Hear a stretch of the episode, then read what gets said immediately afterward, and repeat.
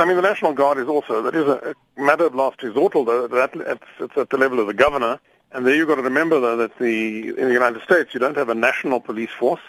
you don't even have a necessarily a statewide police force. Most of the police forces are local, so municipal, like city police, metro police, whatever. Some of them very small, two or three officers, and some big, obviously, like New York with 30, 40,000. And then they have the state police, which is covers the little villages, little towns, highway patrol, and things like that. They don't have a national police force with a nationally trained riot unit or anything like that.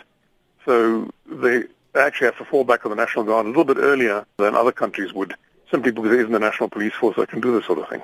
Rumer Heitman sê verder dat die weermag se werksamehede nie verwar moet word met die van die polisie nie. The primary role, the primary function is, de is deterrence and defense.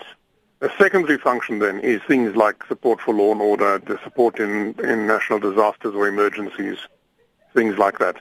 Even things like providing support during a strike by emergency services, for instance, helping out in hospitals as I have. I'm either protecting the hospital against violent strikers or helping with things like moving patients around on litters and so on. So it's got a range of missions, and most countries have the same. But you don't easily use it for internal security missions or even worse for, for riot or crowd control unless you really, really have to. Hy sê die kanse dat die betogings in 'n groter bloedbad sal ontaard as die weermag ontplooi is baie groot. If you have to call in the military to do crowd control, riot control, then you're in deep trouble.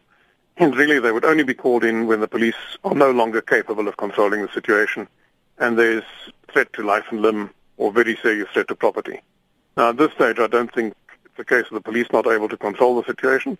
I think it's a case of the universities not being willing to bring in the police when they should.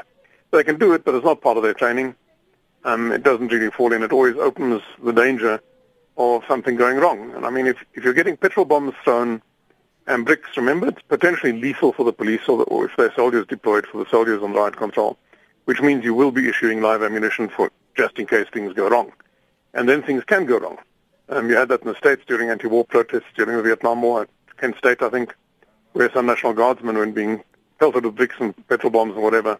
Um, and a couple of them lost their nerve and opened fire, and several students were killed. And that, of course, escalates things still more. So you really want to leave it to the police.